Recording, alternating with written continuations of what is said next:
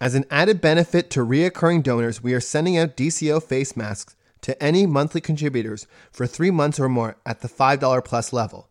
Please send your size preference, either large or youth or small size, along with membership email and mailing address to info at dcontario.org. And you can check out what they look like in the show notes. This podcast was specifically created for Distress and Crisis Ontario organizations and their volunteer responders to provide training and educational assistance on a variety of topics. As information evolves and changes, these podcasts are meant to offer ongoing support with the goal of updating them on an ongoing basis. We thank the volunteer responders and the contributors to this podcast. Please visit our website, dcontario.org, for more information and how to access free mental health services. Thank you.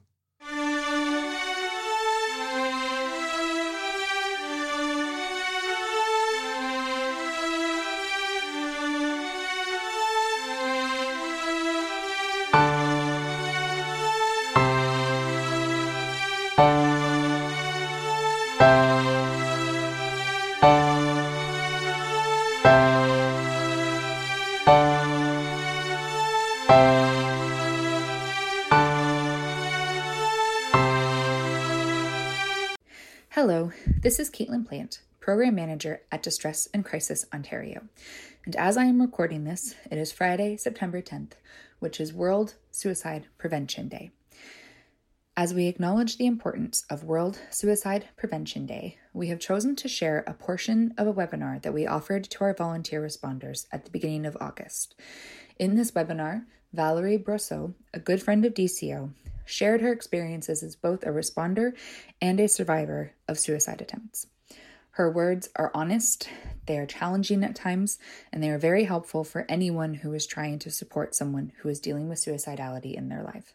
If you are in need of support, please visit our website at www.dcontario.org to find our member center that is closest to you or to access our ONTX program by clicking Chat Now or by texting support to 258 258 between the hours of 2 p.m. to 2 a.m. daily.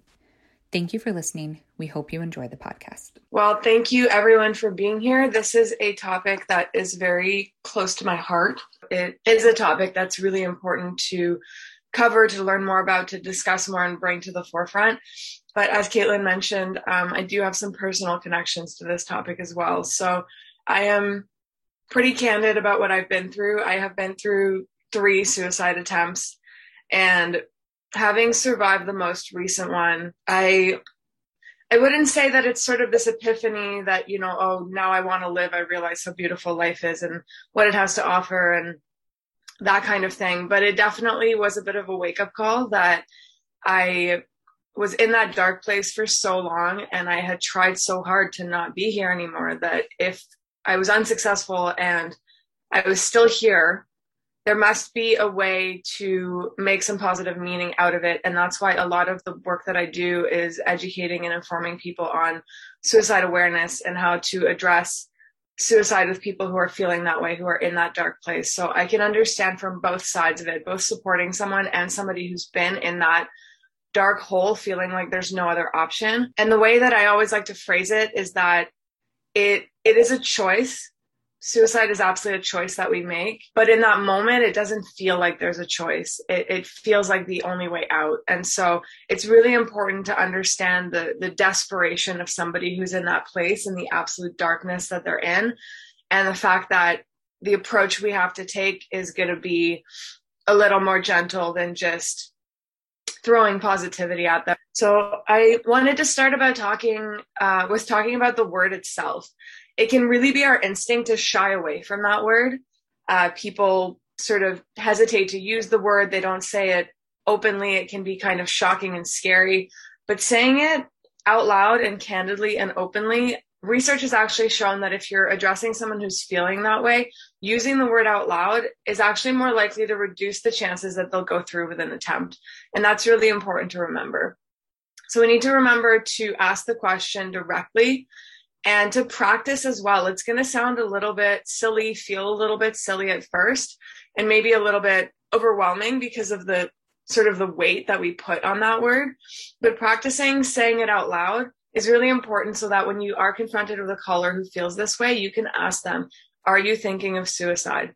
Are you thinking of killing yourself? Is suicide something that's on your mind? So when you ask somebody that, uh, and they are thinking of suicide, you may be the very first person who has given them the opportunity to discuss that out loud and to actually um, share that with someone. And they may not have had the chance to really get that weight off their chest before and really explain that they're in that place that is so dark that many people avoid talking about it avoid asking them about it or wanting to to delve into a little bit deeper so you're really giving them a release and an opportunity to be honest about what they're experiencing and if somebody is not thinking of suicide they will very rarely be offended. But being asked directly if they are having those thoughts it makes a connection in that moment. It, it really opens the door to the darkest part of what they're feeling. And it's sort of a from my experience it's sort of a, a breath of release of okay now i'm allowed to talk about this. Somebody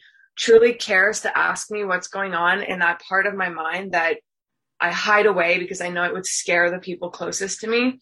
And I'm allowed to talk about this now. So it, it really is a moment of connection and a place where you're able to build that trust with the caller. And by asking that question, it shows that you're open to discussing it. And that's going to be huge in building their confidence to actually sharing with you what it is that they're experiencing. So when it comes to um, risk, which is kind of what would lead you to asking this question directly and out loud, assessing whether the person is at risk and kind of what, what place they're in there are a number of things to look out for. So things like, I just can't do this anymore. I don't see a way out. I can't go on. I want to disappear. So statements like that really show um, a desire to not be in this world or in this life or in this process that they're living through right now. And then things like, if anything happens to me, take care of, you know, my plant, my dog, Jimmy, my brother, my children, my grandmother, whoever might be in their care at the moment, um, is a sign that they may plan on not being around anymore. So those are important things to listen for and cues that can help you get to the point where you're going to dig a little deeper and use the word suicide out loud directly and ask them if that's what they're thinking of. It's uh, also, it can be important to remember that when people are making these statements, sometimes it's not that they don't want to live anymore, it's that they don't want to live life as it is. There is something in their life causing them distress, causing them pain, anguish, causing them to be in a place where it's it's not worth it anymore. And that's where there's a little glimmer of hope that sometimes that can change. And I'm not saying that every problem has a solution. For example, someone with a chronic illness, it's more about managing rather than erasing that problem because there's you know often there's no cure for illnesses like that. So it's it depends on the circumstance but very often it's about making a change so they can find that hope and and sort of lighten their load a little bit in terms of what they're they're dealing with. And in that moment when you ask them the question that's the first step to lightening that load is admitting that they're feeling that way so being the first person to allow them to really express that is is really crucial in that call. And even if the person you know is still feeling suicidal at the end of the call but you've put in a safety plan you know they'll be safe for x amount of time that's still a success because you've alleviated that weight a little bit and you've given them that moment of connection where maybe for the first time they've been able to discuss what it is that they're feeling so when it comes to actually bringing it up with someone these are some tips that are important to remember in terms of that how that conversation is going to go it's important to remain non-judgmental and to not react with shock because that is what they fear from everyone else in their life. And that's why they've likely not mentioned it to anyone. That doesn't mean to not be um, responsive to it and, you know, oh, suicide. Yeah, no big deal. It, it just means to not be taken aback and start making sort of those judgments in the way that we're responding to them. And to focus really on care and compassion and um, and that we're there because we're invested in their safety. So really explaining that we want them to not go through with an attempt because we're invested in their life as opposed to it being wrong is uh, helps us stay away from judgment as well and then what i was saying before about the positivity is is the piece that i want to address next which is to not assure them that they have so much to live for, that it gets better, that things can be okay, that we'll fix this. As I mentioned, uh, one ex- only one example out of many of that is something like a chronic illness that causes uh, physical pain and and emotional challenges in someone's life. That's not something we can promise them will get better or we can make go away. But it's about meeting them in the place where they are emotionally and finding out what can help them stay safe at least for the moment. And so they're going to be in a, a very dark place. And when it feels completely hopeless, it can be extremely invalidating to have somebody throw sunshine and rainbows at you. And that is something that I experienced where being somebody who's very, um, I tend to be sort of acquiescent sometimes. And I've been in places where I was suicidal and people telling me that there's hope, that it gets better, I have so much to live for.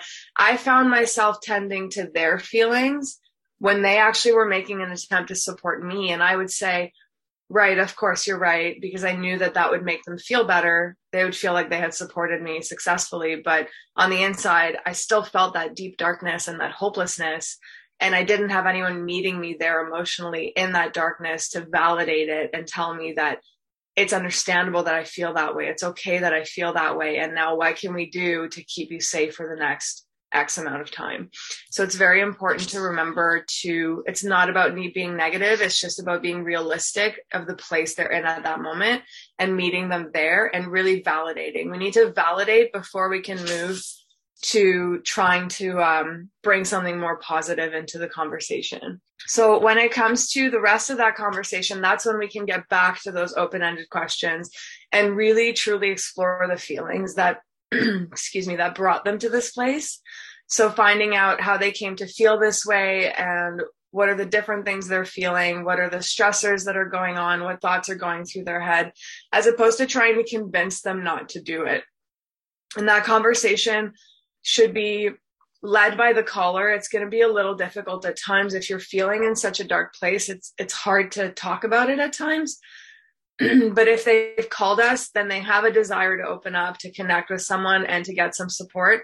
So the words will come out eventually. Use those silences and don't feel awkward about them. Sometimes silences are good. They let the caller take a minute to gather their thoughts and figure out what they want to say. So it will be a slower pace lower tone, sort of lower energy conversation because in general because it's it's a difficult place to be and to start expressing those feelings that you've never had a chance to express to anyone else before. Once we've determined that they are feeling that way, we need to ask if they have a plan and ask if they have the means to carry that out. If there is a plan and there is the means to carry it out, then we obviously have to address that right away. We need to also explore what supports and resources they have in their life other than us because obviously we can't be on the phone with them for the next 12 hours keeping them safe but we want to ensure that there's other things that can help. You know are you home alone? Can you go stay with someone else? Can someone else come stay over? How are we going to keep you safe?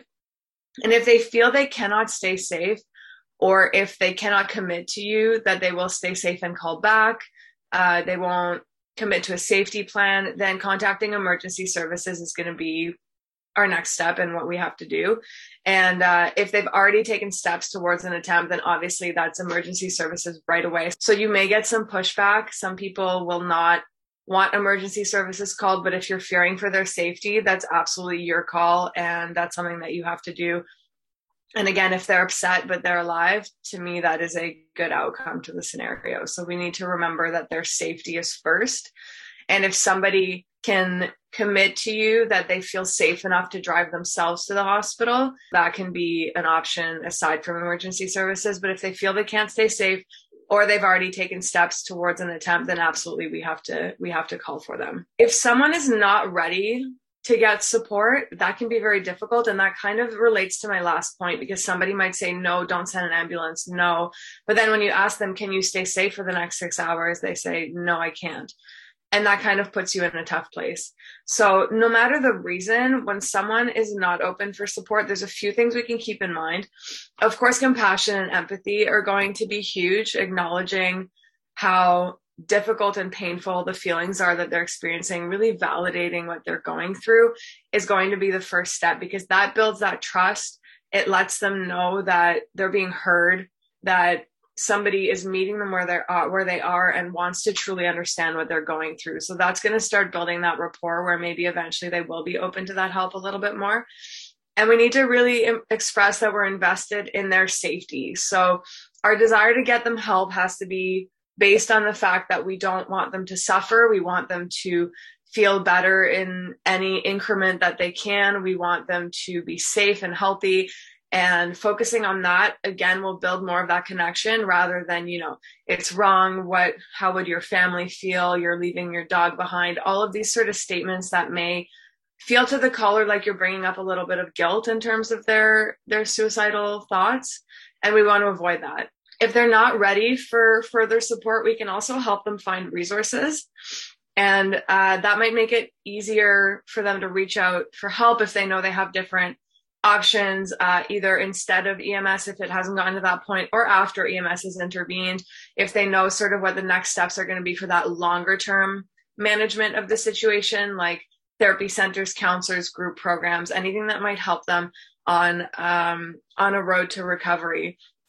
I know for myself, so as I mentioned, I've had three attempts and it was very difficult to find the right support and treatment for me.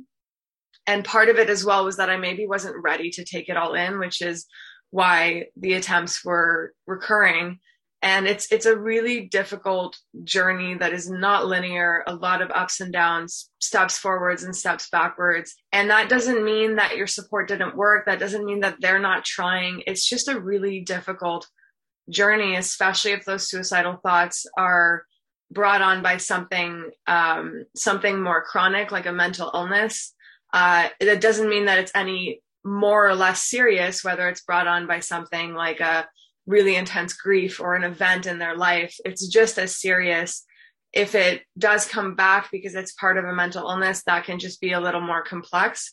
And it's difficult to commit to that treatment and to um, to have it start sinking in and start going on that journey of learning to manage what you're going through. And so it's important to be really patient with these callers because it is not something that we do for attention as a threat it is very real, very painful, and it's something that um, I mean, I know for myself, every time that I took myself to the ER and said I'd like to see the crisis team, I'm feeling suicidal. There, there was no pride in that. I, I felt like a burden. I felt like I was taking up resources yet again, and I know logically that's not the case. I was a person in need of support. I went and sought support, and that's okay. But emotionally, it's easy to sort of add to the painful emotions you're already feeling by feeling that that guilt and that shame for what you're going through as well so that's why we need we need to remember that empathy for the caller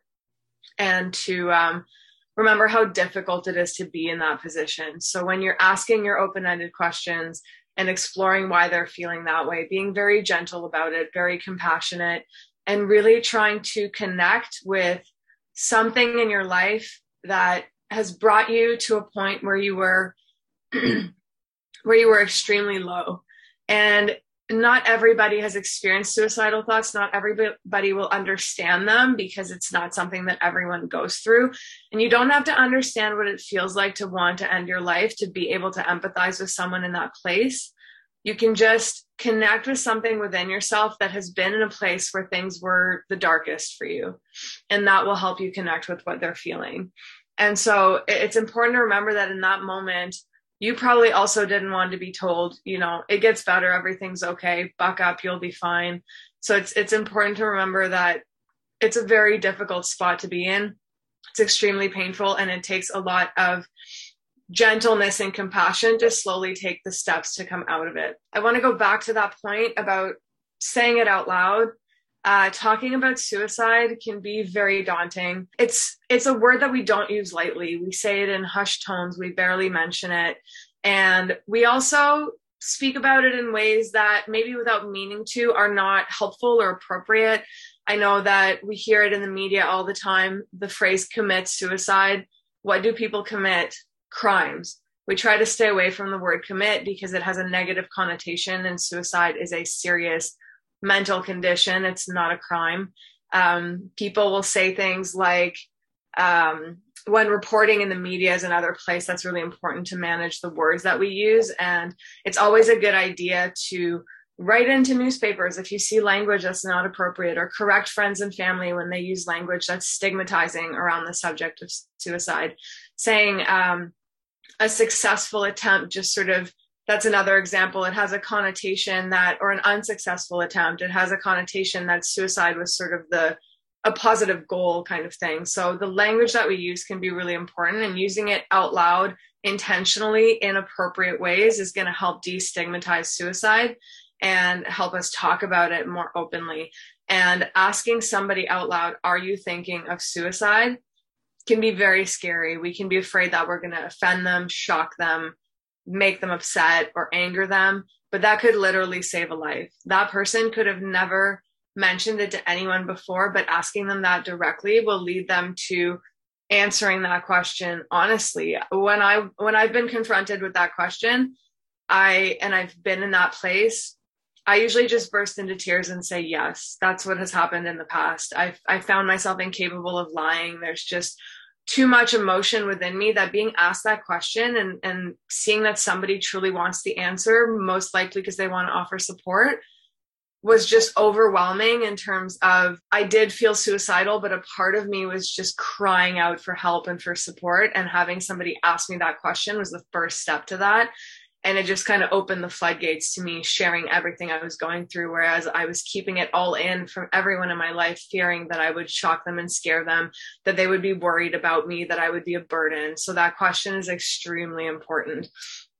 And practicing saying it out loud might be something that you have to do to get to the point where it feels more natural to um, to to ask it of a caller. And again, like I said, if somebody is not thinking of suicide, they will very rarely be offended or upset. They will just correct you and let you know that that's not what they're thinking of. It's always difficult to see somebody hurting so badly that they don't want to be here anymore, but we can take a little bit of solace in the fact that we have training and we have information and knowledge that can help us support them as best as we can and at the very least keep them safe for whatever you can commit to whether you know that's 6 hours 12 hours and then call us back or make a safety plan where it'll be overnight and then you go to your mom's in the morning whatever the case may be.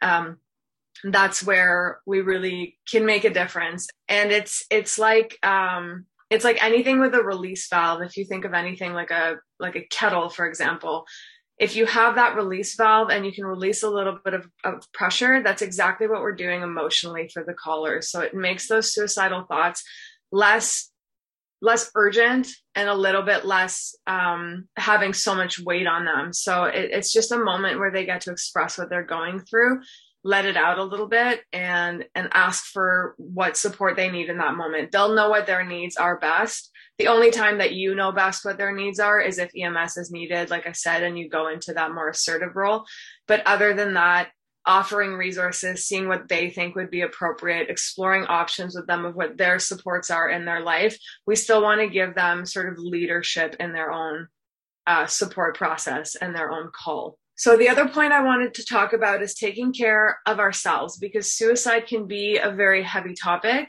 It can be uh, difficult to deal with. And we very often see this pattern of um, people who there are certain signs that they may be feeling suicidal and then they have an attempt and unfortunately they pass away. And then many people in their life often blame themselves. I should have seen the signs. Why didn't i do anything? What could we have done? And that causes a lot of guilt and shame and very heavy feelings in the people who are suicide survivors suicide is is very often preventable and there are definitely signs um, that somebody is feeling that way but we can't control anybody's actions and we can only offer them support. So as long as you're there offering compassionate support, there's never a time where you should be doubting yourself. I should have done more. What more could I have done? What did I miss? We do the best that we can. We're all doing this work because we are empathetic people who, who care and want to support. So suicide is a really difficult topic. It can be, like I said, hard to say out loud, hard to discuss. We need to practice saying it out loud it's something, as I said, that's very important to me because I've lived it and I have a lot of experience in supporting people in that situation. And it's been, um, it's been really great to be able to share that knowledge and information. Hi. I'm Damien, one of the editors of the DCO Learning Forums podcast. We are committed to providing the most current and up to date information. With your help, we can make it better. Please consider going to tips.pinecast.com slash jar slash distress dash and dash crisis dash ontario.com or by clicking the link in the show notes. And by donating, monthly contributors will be able to access a special podcast feed. In it, we'll have additional content and some more in depth pieces on some of our most popular topics. Thank you.